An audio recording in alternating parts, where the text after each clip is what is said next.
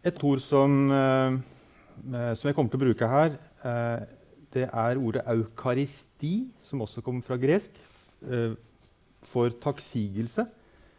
Og det er jo et ord som ja, Som egentlig betegner en, en bønn da, eller en velsignelse over f.eks. Over, mat, over, over mat. men som etter hvert betegner et måltid og det som er viktigst her for oss, nemlig nattverden. Altså Nattverden er jo et uh, helt sentralt ritual i kristen kontekst. Det skal vi se nærmere på hva, hva nattverden egentlig er. Et, et, av de viktigste temaene i dag. Så var jeg inne på tidligere at uh, det var denne utviklinga fra mangfold til enhet. Husker dere? Så jeg snakket om det første gangen. At, at uh, det er det paradigmet som man ser for seg nå, at utviklinga gikk fra, uh, fra, et mangfold til en enhet. Og Det ser man også i liturgien, altså i, i gudstjenestehistoria. Uh, så fra første århundre og framover så går man fra et mangfold til en mer og mer uh, uniform feiring. Og det danner seg etter hvert fra 300-tallet av altså Det er jo når kristendommen sant, blir, mer, blir, blir, blir, tillatt og blir uh, større og større, får mer og mer tilslutning, og de begynner å bygge kirker, da utvikler også liturgien seg betraktelig. Fordi man får, uh, man får mye ja, bedre rom, så å si. Kirkerom, eller altså religiøse rom, å feire gudstjeneste i, blant annet. Så det vi ser fra 300-tallet av, er at det har dannet seg det vi kunne kalle regionale tradisjoner. Regionale eh, riter. Eh, eh liksom systemer av, av, av gudstjenester. Eh, og eh, gjerne med sentrum i større byer eller større, ja, i, i, større byer. Hvor det er, store, hvor det er viktige biskoper og, og, og viktige kirker eller katedraler. Så Roma, Milano og Lyon er sånne uh, liturgiske sentra som får uh, Ja, uh, hvor, hvor, vi ser spesielle, spesifikke tradisjoner, som da f.eks. den romerske. den romerske gudstjenestetradisjonen som, som har sentrum i Roma, men som sprer seg utover også. Og det er jo den som faktisk den norske hovedtradisjonen står i. Bare at den er en, den er en, reformert, en, en, reformert, versjon av den. Men det er den romerske tradisjonen som, som, er gjeldende her i Norge. I Den norske kirke, i hvert fall. I uh, Østen så har man uh, liturgiske riter, eller ja, spesifikke tradisjoner, i Konstantinopel, Alexander, Antiokia, Jerusalem, også lenger øst. Uh, en by som dere kanskje aldri har hørt om, Selevkiak uh, Ktesifon. Det er uh, hovedsetet til den såkalte Østens kirke, den, den østsyriske kirke, som, som ikke aksepterte uh, Efesus-konsilet i 431, som vi var inne på sist gang. Så her, Dette er en, en oversikt da, over ulike sånne liturgiske riter, tradisjoner. Så på en måte så er det jo fortsatt mangfold. Det er mangfold fordi det er mange ulike tradisjoner. Um, men innenfor hver av disse tradisjonene så er det en enhet. Det er en enhet innenfor hver av dem. Uh, og for, En forskjell her vil være da f.eks. Hvilken, hvilken nattverdsliturgi man feirer. For I uh, Jerusalem så hadde man en som man kalte uh, Jakobsliturgien. Det er ikke den Jakobsmessa som som nå feires av og til i Jakobskirka i Oslo, men det var en helt, en helt annen. Um, uh, ja. I Konstantinopel var det Basilius-liturgien som var den mest brukte. Et par um, sentrale aspekter uh, kan vi nevne.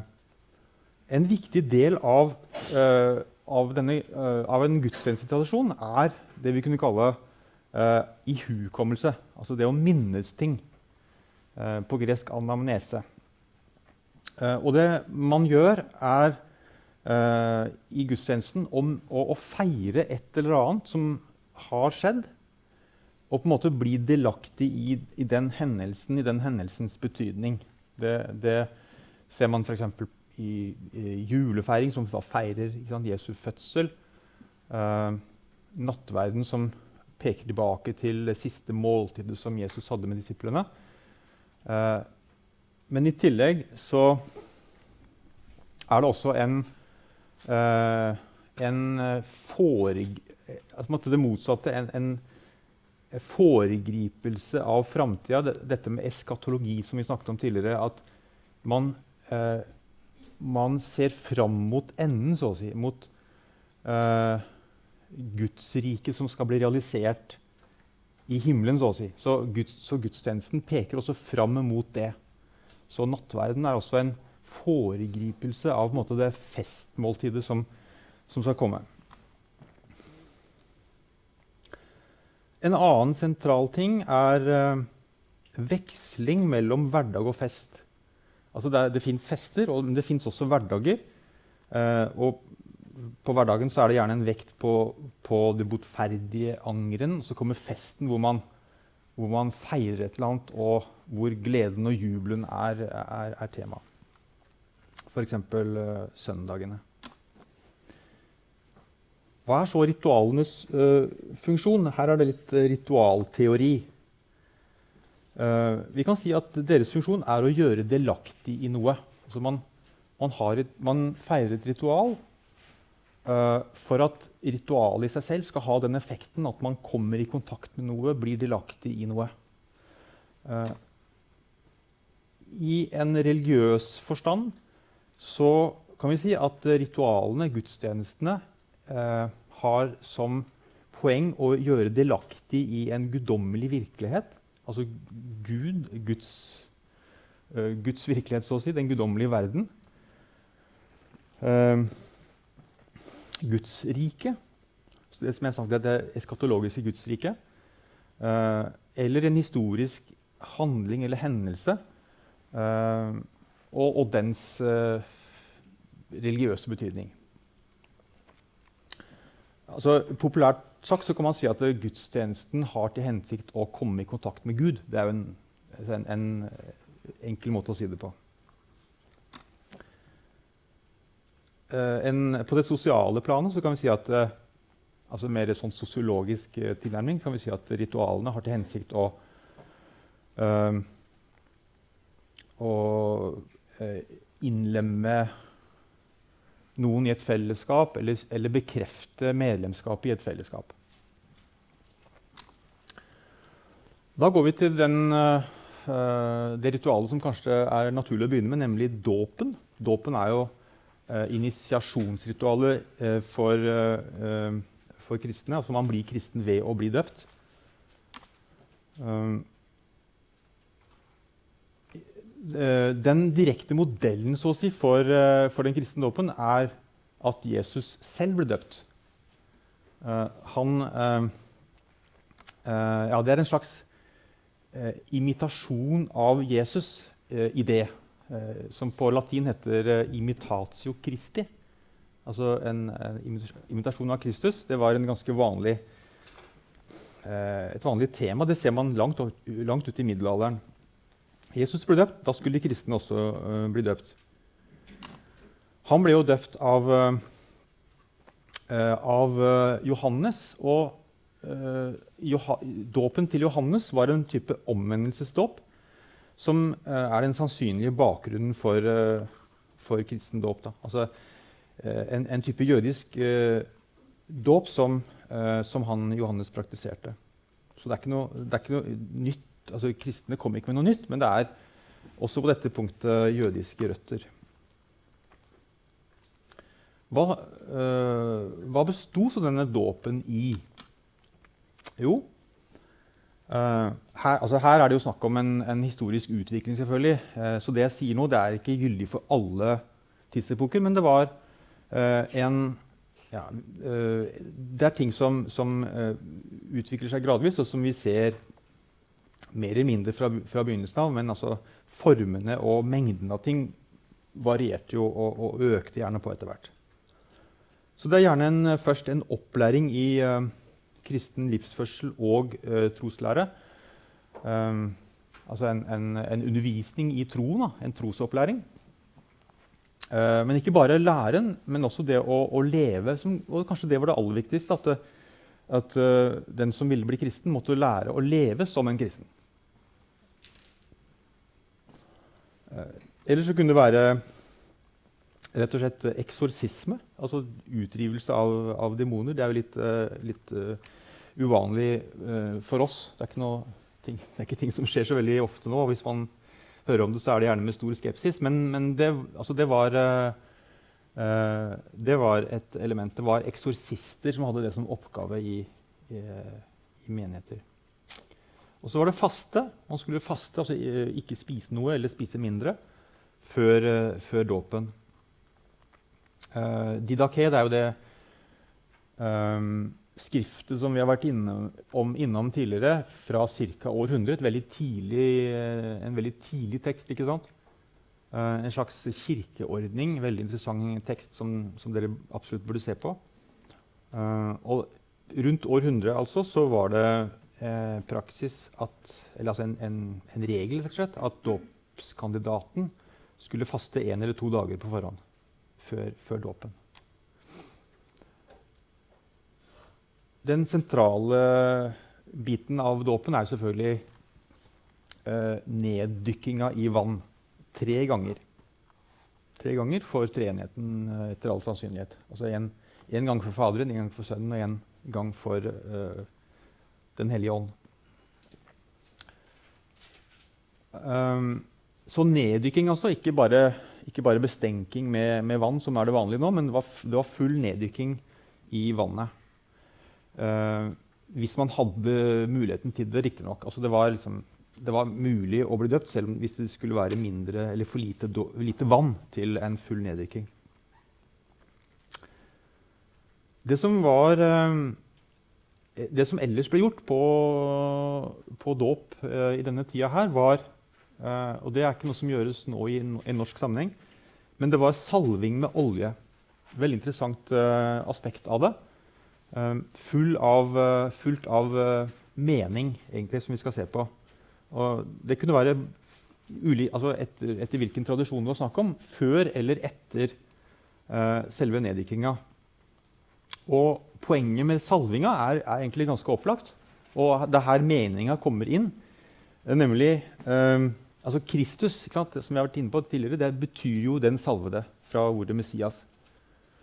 Uh, så når en kristen da ble salvet til dåpen, så ble den, denne personen også en Kristus. Og her igjen dette, denne Kristus-imitasjonen som jeg nevnte i stad.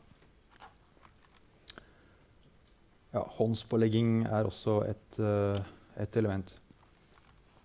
Jeg har noen bilder her uh, som viser uh. Uh, og her ser vi at det er fullt mulig å bli døpt med, med, med, med full neddykking. Uh, dette er et baptisterium i Ravenna i Italia. Uh, veldig tidlig, som dere ser. Så bygningen er også fra 400-tallet, og, og, og, det bassenget der er, er fra den tida der.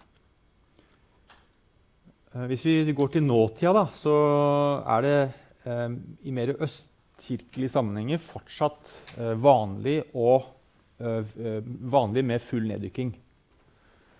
Um, så her, Øverst så ser vi en koptisk, altså egyptisk eh, dåp av et barn da, som, som, dere ser er fullt, helt og fullt under.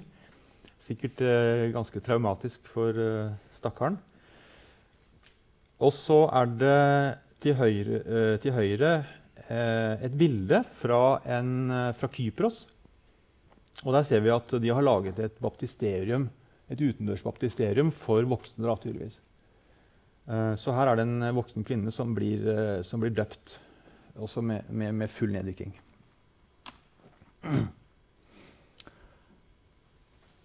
Da skal jeg plage dere med litt uh, sånn ritualsekvens. altså hva, hva, var det som skjedde faktisk på, på en dåp? da? Um, og som dere ser, det er ganske, ganske mye, egentlig. Um, Den uh, spalta til venstre da, er fra uh, De er ganske, ganske, samtidige, disse to. Den ene er fra Nord-Afrika, uh, Tertulian, og den andre er fra Syria. Um, ja, vi kan gå raskt gjennom den, den afrikanske der. så det er først altså en forberedelse i form av trosopplæring og faste. I selve dåpen altså, så uh, ber man først om at uh, Den hellige ånd skal velsigne vannet, slik at det blir et slags hellig vann. Så er det en forsakelse av djevelen. En trosbekjennelse. at Kandidaten er jo som regel en voksen og skal framsi en trosbekjennelse. Det er, det er, jo her Det er dette som er opprinnelsesstedet for trosbekjennelsene som vi, vært, som, vi så på sist gang. De, de oppsto i denne sammenhengen her. Um, neddykking da, altså. Og så kommer salving med olje. Altså det å bli en, en salvet, en, en, en Kristus. Uh, korsets tegn over kroppen. Håndspåleggelse. Og uh, etter hvert nattverden til slutt. Altså nattverden det er jo ikke egentlig dåpen, men uh, nattverden er, ses her på som den uh, siste delen av initiasjonsritualet. Altså det, det, uh, det, fulle komplekset av ritual for å bli en kristen består av, av dåp, salving og, og nattverd. Så de tre sammen. Man er ikke kristen før man har, før man har mottatt den første nattverden. Um, ok, så det... Og så er det selvfølgelig bønner som blir lest på, disse, eh, ja, på, på, på, de ulike stedene her. Hvis vi nå går til Syria og sammenligner, så ser vi at uh, ja, det er ikke så mange ledd. Og, men det som er interessant med det syriske, er at salvinga kommer først, og ikke etter dåpen. Så det er, sant, det er, salving begge deler, men, men, uh, men, men stedet er forskjellig.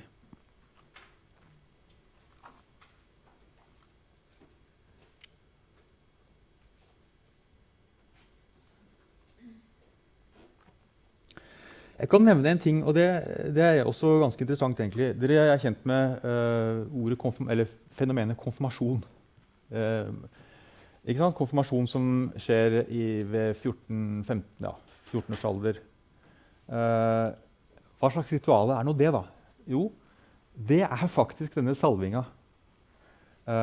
så gjennom lang historisk utvikling så ble salving i den vestlige kirka eh, løsrevet fra, eh, fra selve dåpshandlinga. Det var fordi det var en biskop som måtte salve. Det var bare han som kunne salve, og han var ikke overalt i alle dåper. Så man ventet litt med den eh, salvinga til biskopen kom.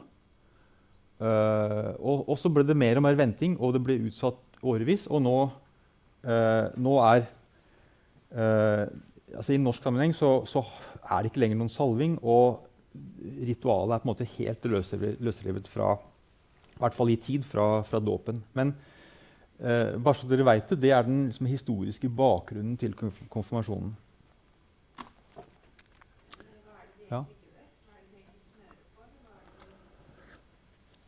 Um,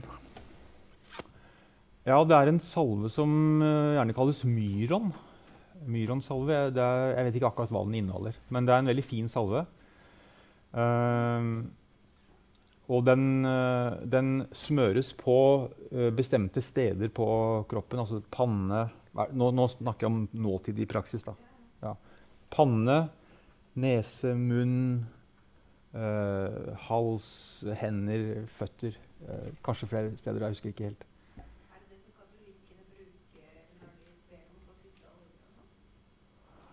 Nei uh, Ja, det er også en salving. Det er også en, en, eh, en, en salving, ja. Men det er en sy, altså, sykesalving. Det er et, et, sakrament, som det kalles, som brukes for, for syke. Da, for, for uh, å be om helbredelse.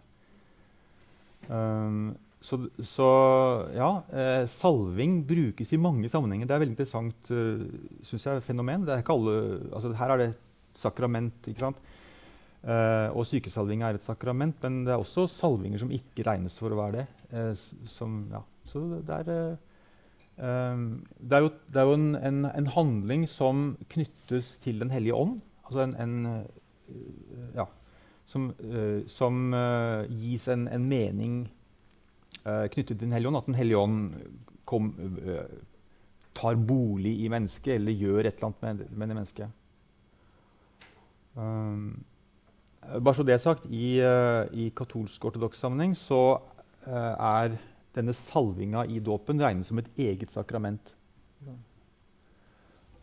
I tillegg til dåp og krismasjon eller salving skjer, ja, er, er, egne sakramenter.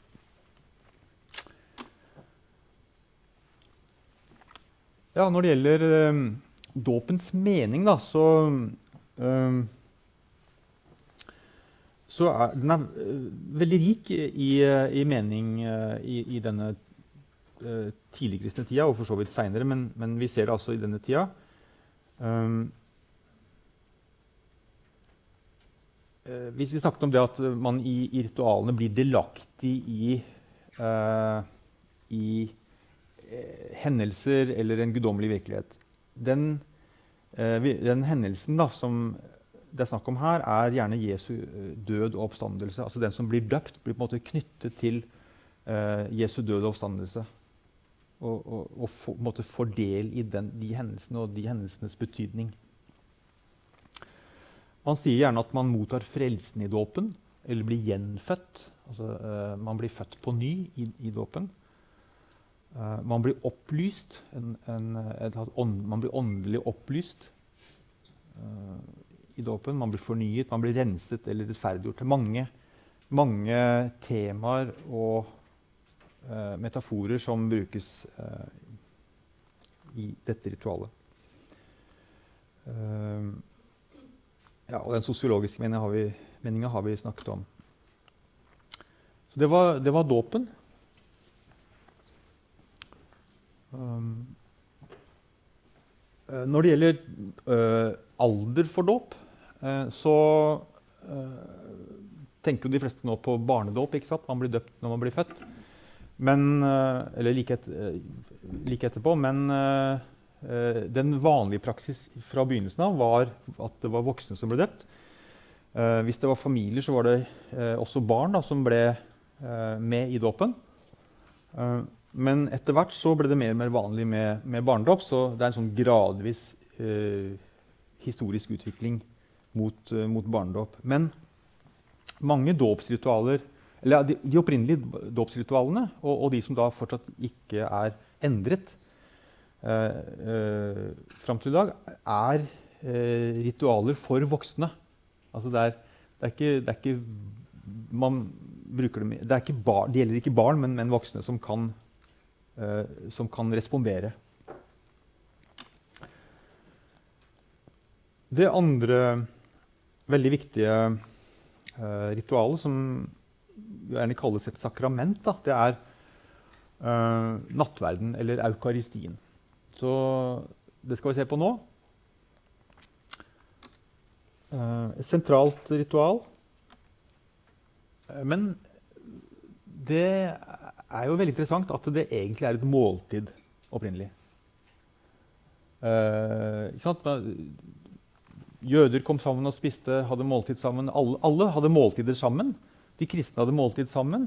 Og uh, i likhet med uh, både jøder og, uh, og si, hedninger, pagane, så romere, så var det liksom ritualer i måltidet.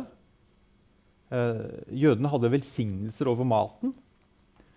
og de kristne gjorde det samme, men de hadde jo gjerne litt annet innhold i bønnene over maten enn en jødene. Ja, de var jo eh, altså en, en, en, de, hadde, de, var ofte gjerne jøder også selv, men altså de, de, hadde sin egen vri på det, sin egen, uh, sine egne uh, referanser til Jesus da, sant, som, som, skilte dem fra jødiske måltidsbønner. Men det er opprinnelsen til det vi kaller messe i dag, altså en vanlig søndagsgudstjeneste med nattverd, det er opprinnelig et måltidsrituale som har blitt mer og mer ritualisert. Elementene er eh, brød og vin. og gjerne et bord. da. Eh, det er jo opprinnelig et, eh, et måltidsbord. rett og slett. Alter er et bord, og det kalles det også på, på gresk eh, fortsatt. Eh, handlingene er eh, veldig grovt sett at, eh, at brød og vin bæres fram til bordet. Altså man, man kommer med maten.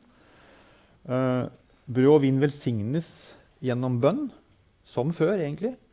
Og så spiser man.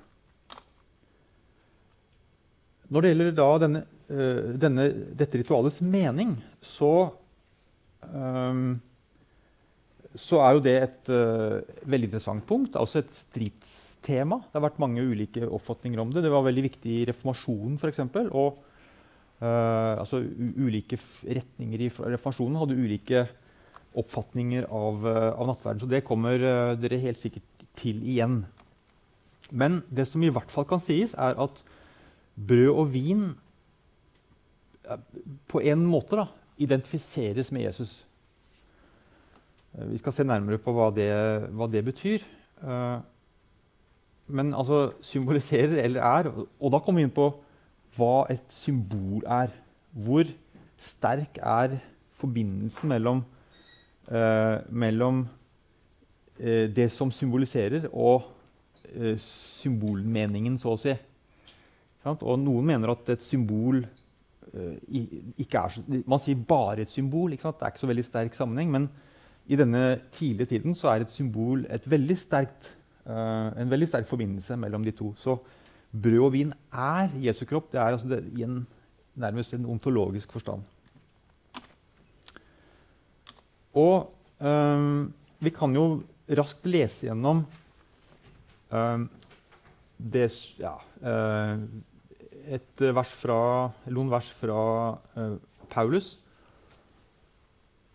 som sier noe om nettopp meninga til uh, nattverden. I den natt da Herren Jesus ble forrådt, tok han et brød, takket brødet og sa:" Dette er min kropp, som er for dere. Gjør dette til minne om meg. Minne, ikke sant? Minne, dette anamnesis, det er det som, ordet som brukes. Den ihukommelsen. På samme måte tok han begeret etter måltid og sa:" Dette begeret er den nye pakt i mitt blod. Nye pakt. Her er det mye mening. Her, her tillegger Paulus eh, mye mening i, den, i, i nattverden. Eh, hver gang dere drikker av det, gjør, gjør, det til minne om meg. Igjen minne om Jesus. For hver gang dere spiser dette brødet og drikker av begeret, forkynner dere Herrens død helt til Han kommer. Så her, som vi så, så knytter Paulus eh, nattverden, brød og vin, til eh, til Jesus død, rett og slett. Så det, så det å ha dette måltidet og, spise denne, dette brødet og denne vinen har, har, en eller annen betydning i, eh, som er knyttet til uh, Jesu død, død og for så vidt oppstandelse. Men her da, ser vi faktisk en viss struktur hvis vi analyserer denne, dette, denne, dette avsnittet. Eh, så eh, den, denne, dette brødet som han bryter og, og takker uh, for, uh, det kommer faktisk før måltidet. ser dere. Først er det brødet som brytes, og, og han uh, takker Han ber sikkert en bønn over dette brødet. Og så kommer selve måltidet. og så tar han begeret etter måltidet. Så det er litt, eh, litt, annen struktur der enn det man er vant til nå. Eh, nemlig man eh, spiser brødet først. Man, man ber over brødet, man spiser det, og så er det vin etterpå. Med, med, måltid i midten, altså. Så vinen symboliserer altså Jesu blod. Og blodet, det er jo på en måte blodet vi tenker oss ofringen i, i, det gamle tempelet. Uh, man ofret lam eller, eller, andre dyr. Uh, og blodet var på en måte et soningselement. Uh, så Jesu blod representerer da, altså symbolisert ved vinen, symboliserer den nye pakten Uh, den gamle pakt var den pakten som jødene hadde. Og så tenker de kristne at de har en ny pakt. Gud har gjort en ny pakt med dem. Og eh, Jesu blod er liksom soningsblodet i den nye pakten. Er, og når, knyttes, når, når, nattverden knyttes til eh, det, så ser vi hvor sentral nattverden egentlig blir. Den blir full av, av, av mening, full av sentral mening i, i hele kristendommen. Uh, en ny sånn ordo. Um, denne gangen fra uh, Justin Martyr, som det het. Vi var innom ham tidligere. Han levde på midten av 100-tallet. Denne, filos denne, filosofen som uh, kom fra, fra, Palestina, men bodde i Roma. Dette er en, en veldig vanlig kilde til kunnskap om nattverden midt på 100-tallet. Så det er fortsatt veldig tidlig tid. ikke sant? Uh, og det som er interessant, er jo at vi her midt på 100-tallet allerede har en struktur som er i bunn og grunn den samme som, som vi fortsatt har. Uh, så man samlet seg altså på solens dag, uh, søndag uh, vårt, vårt, norske ord er jo solens dag. Da blir apostlenes erindringer og profetenes skrifter lest høyt så lenge som tiden tillater det. Altså eh, lesning fra det såkalte Gamle testamentet og Det nye testamentet. Eller det er jo ikke ennå noe Nye testament. Det er Nytt testament. Det er eh, noen skrifter, apostlenes skrifter, som, som, er i sirkulasjon, og som man har eh, ulike samlinger av i de ulike menighetene. Men eh, tross alt så er det dannet seg på en, måte en, en grunnsamling av tekster i Det nye testamentet, og som man leser fra på, uh, på samlingene på en søndag. Uh, så er det en tale da, uh, etter lesningene, en kommentar til lesningene. Og så det, reiser vi oss og oppsender bønner, forbønnsdelen etter, etter, etter tale, akkurat som i dag. Og så kommer selve nattverdsdelen. Først er det en ordets del da, eh, med skriftlesninger og tale, preken, utlegning. Eh, og så kommer selve nattverdsdelen. Eh, så den strukturen med de to delene, ordets del og ja, bordets del, for å si det sånn, rimer greit på norsk. Denne todelinga den finner vi allerede her, altså. Uh, og forstanderen framsier også bønner og takksigelser som best han kan, og folket svarer sitt bifallende amen. Uh, dette er interessant fordi uh, 'som best han kan' Det må jo bety at det var, liksom, det var, ikke, det var ikke, nødvendigvis noen fast skrevet tekst. Som best han kan. Altså Han sto og improviserte, rett og slett. Så vi er ennå i en tid her hvor Uh, hvor det er improvisasjon uh, i, uh, i, gudstjenesten. Så, kanskje på 300-tallet, så blir mer og mer skrevet ned. Og man begynner å få helt fikserte tekster. Denne fikseringa av tekstene skjer i denne tidlige tida. deretter blir de velsignede elementene utdelt og fortært av alle og sendt med diakonene til de fraværende.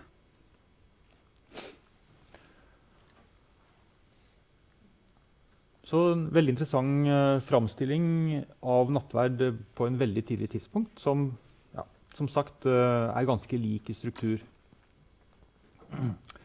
Ja, vi har vært inne på det da, med, med forbindelsen med Jesu død, så trenger ikke si så veldig mye mer, kanskje. Men, uh, men det som er interessant også, er jo at denne koblingen mellom nattverd og, og, og Jesu død og oppstandelse den finner man faktisk ikke i alle tradisjoner dette kjente, dette berømte verk, eh, dokumentet Didaké altså, nevner faktisk ikke Jesu død i, i sine nattverdsbønner. Så det er tydeligvis en annen tradisjon der hvor Jesu død eh, ja, ikke, er, ikke, har den samme plassen i, i nattverden. Et annet spørsmål eh, som gjelder nattverdens mening, og dette kommer dere helt sikkert uh, inn på i, med Sivert på reformasjonsdelen. Det er spørsmålet hvorvidt nattverden er et offer. Er nattverden et offer? Luther mente jo at det ikke var det. Han strøk alle uh, referanser, alle forekomster av ordet 'offer' strøk han fra nattverdsbønnen. Så han var veldig imot det. Um, men de tidligste kristne begynner å bruke uh, termen 'offer om nattverden'. Man finner det i Didaké. Altså, så rundt 100 så hadde man begynt å bruke termen 'offer' om nattverden. Uh, selv om det kanskje enda tidligere enn det er slik at offeret ikke er, noe, ikke er brød og vin eller noen ting eller noen dyr, men det er rett og slett mennesket selv. Det er mennesket selv som er eh, offeret. Man bringer seg selv på en måte som et offer til, eh, til Gud. Men eh, som sagt, eh, fra i hvert fall 100 så ser man at nattverden kalles et offer.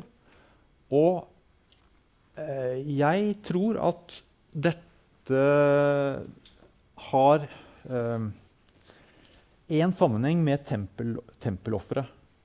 Tempelet ble ødelagt i år 70, så vi er i, vi er sånn posttempeltid. Og både jøder og kristne måtte finne eh, erstatninger av, av tempelet. Måtte, måtte uh, formulere en teologi som, som uh, erstattet tempel, uh, tempelofringene. De kristne mente jo at Jesus, Jesu død og oppstandelse var det endegyldige offeret det definitive offeret. Um, som uh, erstattet dyreofringene i tempelet. Og siden man kobler nattverden nettopp til Jesu døde oppstandelse, så er det ikke så langt uh, fra det til å tenke, til å uh, konkludere at de kristne oppfattet nattverden som da ekvivalenten, så å si, erstatninga av, av de, de jødiske tempelofre. Ja.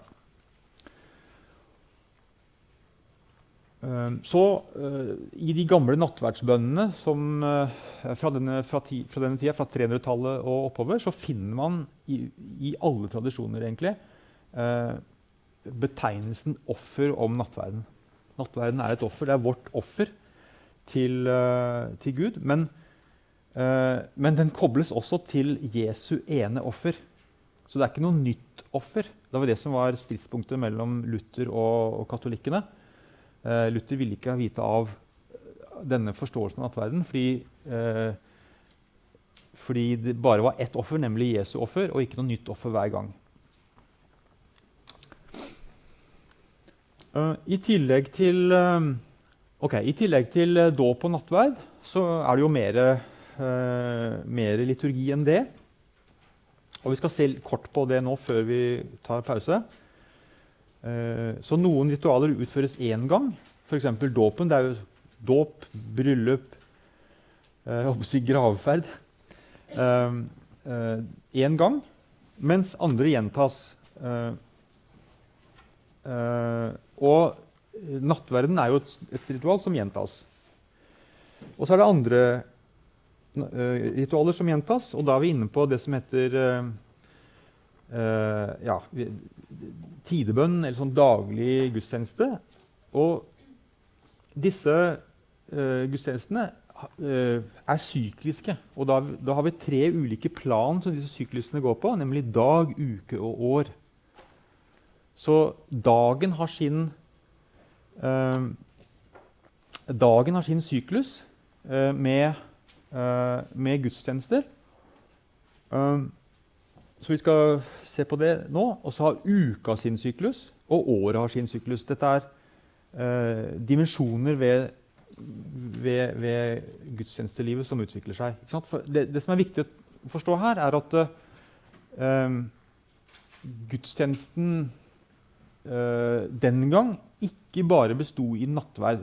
I, i, I, norsk sammenheng er det veldig vanlig med messer og høymesser eh, med nattverd.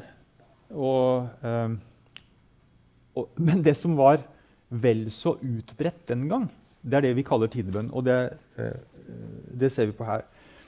Tidebønn er altså gudstjenester, mer lovprisende gudstjenester. Altså, eh, ja, uten nattverd. Det var ingen nattverd der. Det var rett og slett bare bønn, tilbedelse. Um, som, var, som var, innholdet. Gjerne med mye skrift, altså sang av davidsalmer fra, fra uh, Det gamle testamentet, men, men altså ingen nattverd. Og denne tidebønnen utviklet seg altså Vi kan sammenligne med, uh, for å forstå hva det er for noe. Uh, jødene har fortsatt i dag tre gudstjenester daglig. Morgen, middag og kveld. Uh, islam sant, har fem i, i, uh, i salat. Bønnen, uh, med, og de, den kristne tidebønnen har utviklet seg ganske mye. For i Didaké, ca. år 100, da, så stipuleres det å be Fader vår, som er, en, som er den bønnen Jesus lærte disiplene å be, tre ganger daglig. Det står ikke noe om når. altså En ganske enkel Eh, fleksibel regel. Eh, og tre ganger daglig eh, med ulike innhold da, var vanlig fram til ca. 200. Og så utvikler seg, baler det på seg. man fikk i tillegg til tre ganger. Og tre ganger og gjerne ved den tredje, sjette og niende time. Disse, disse uh, delene av døgnet. Døgnet var delt inn i eller dagen delt inn i fire vaker og natta i fire vaker.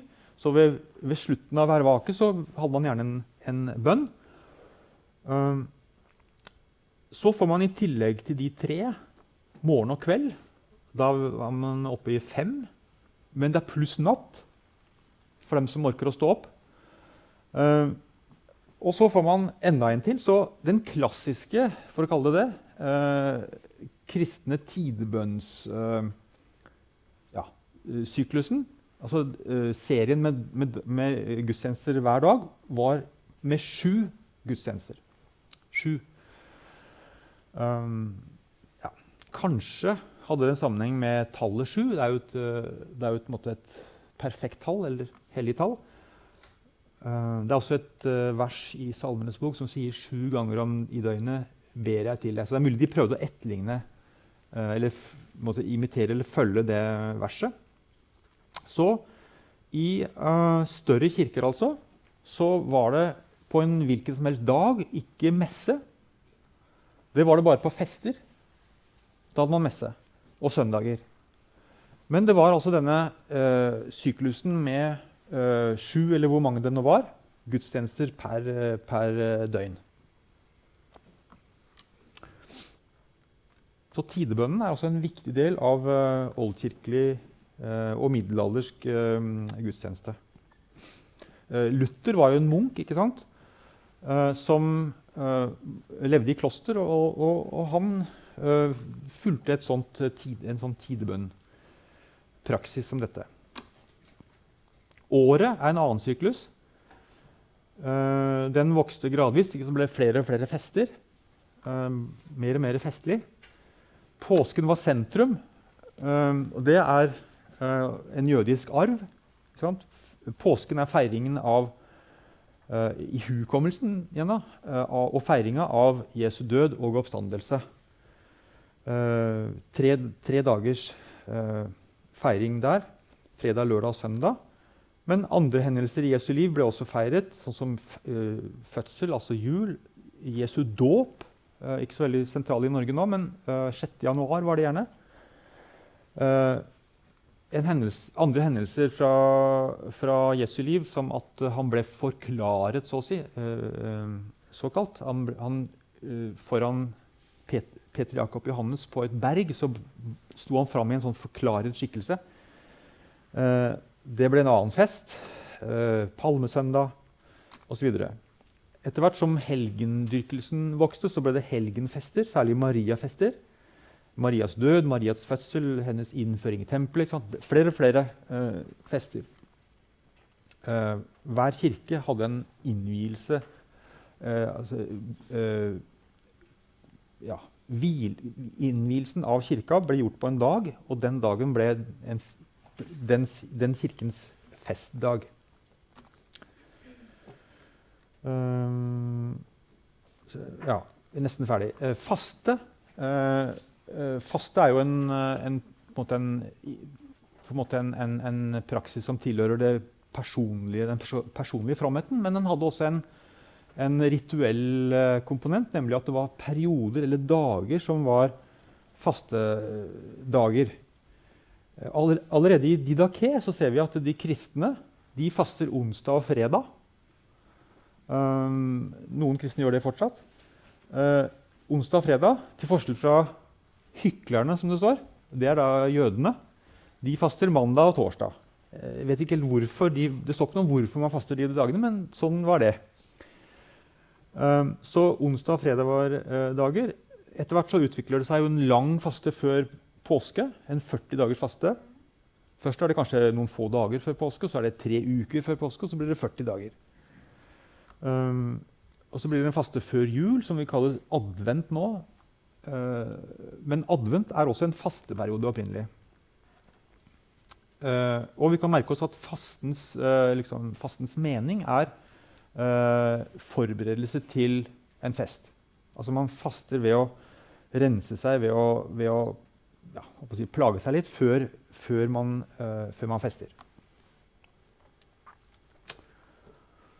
Ja, da slutter jeg med dette her. Det et, uh, som dere vet, så er jeg veldig glad i manuskripter. Dette er et veldig, uh, både veldig fint synes jeg, og veldig viktig manuskript, som uh, er en, en, ja, vi vil kalle det Norge, på norsk i dag salmebok.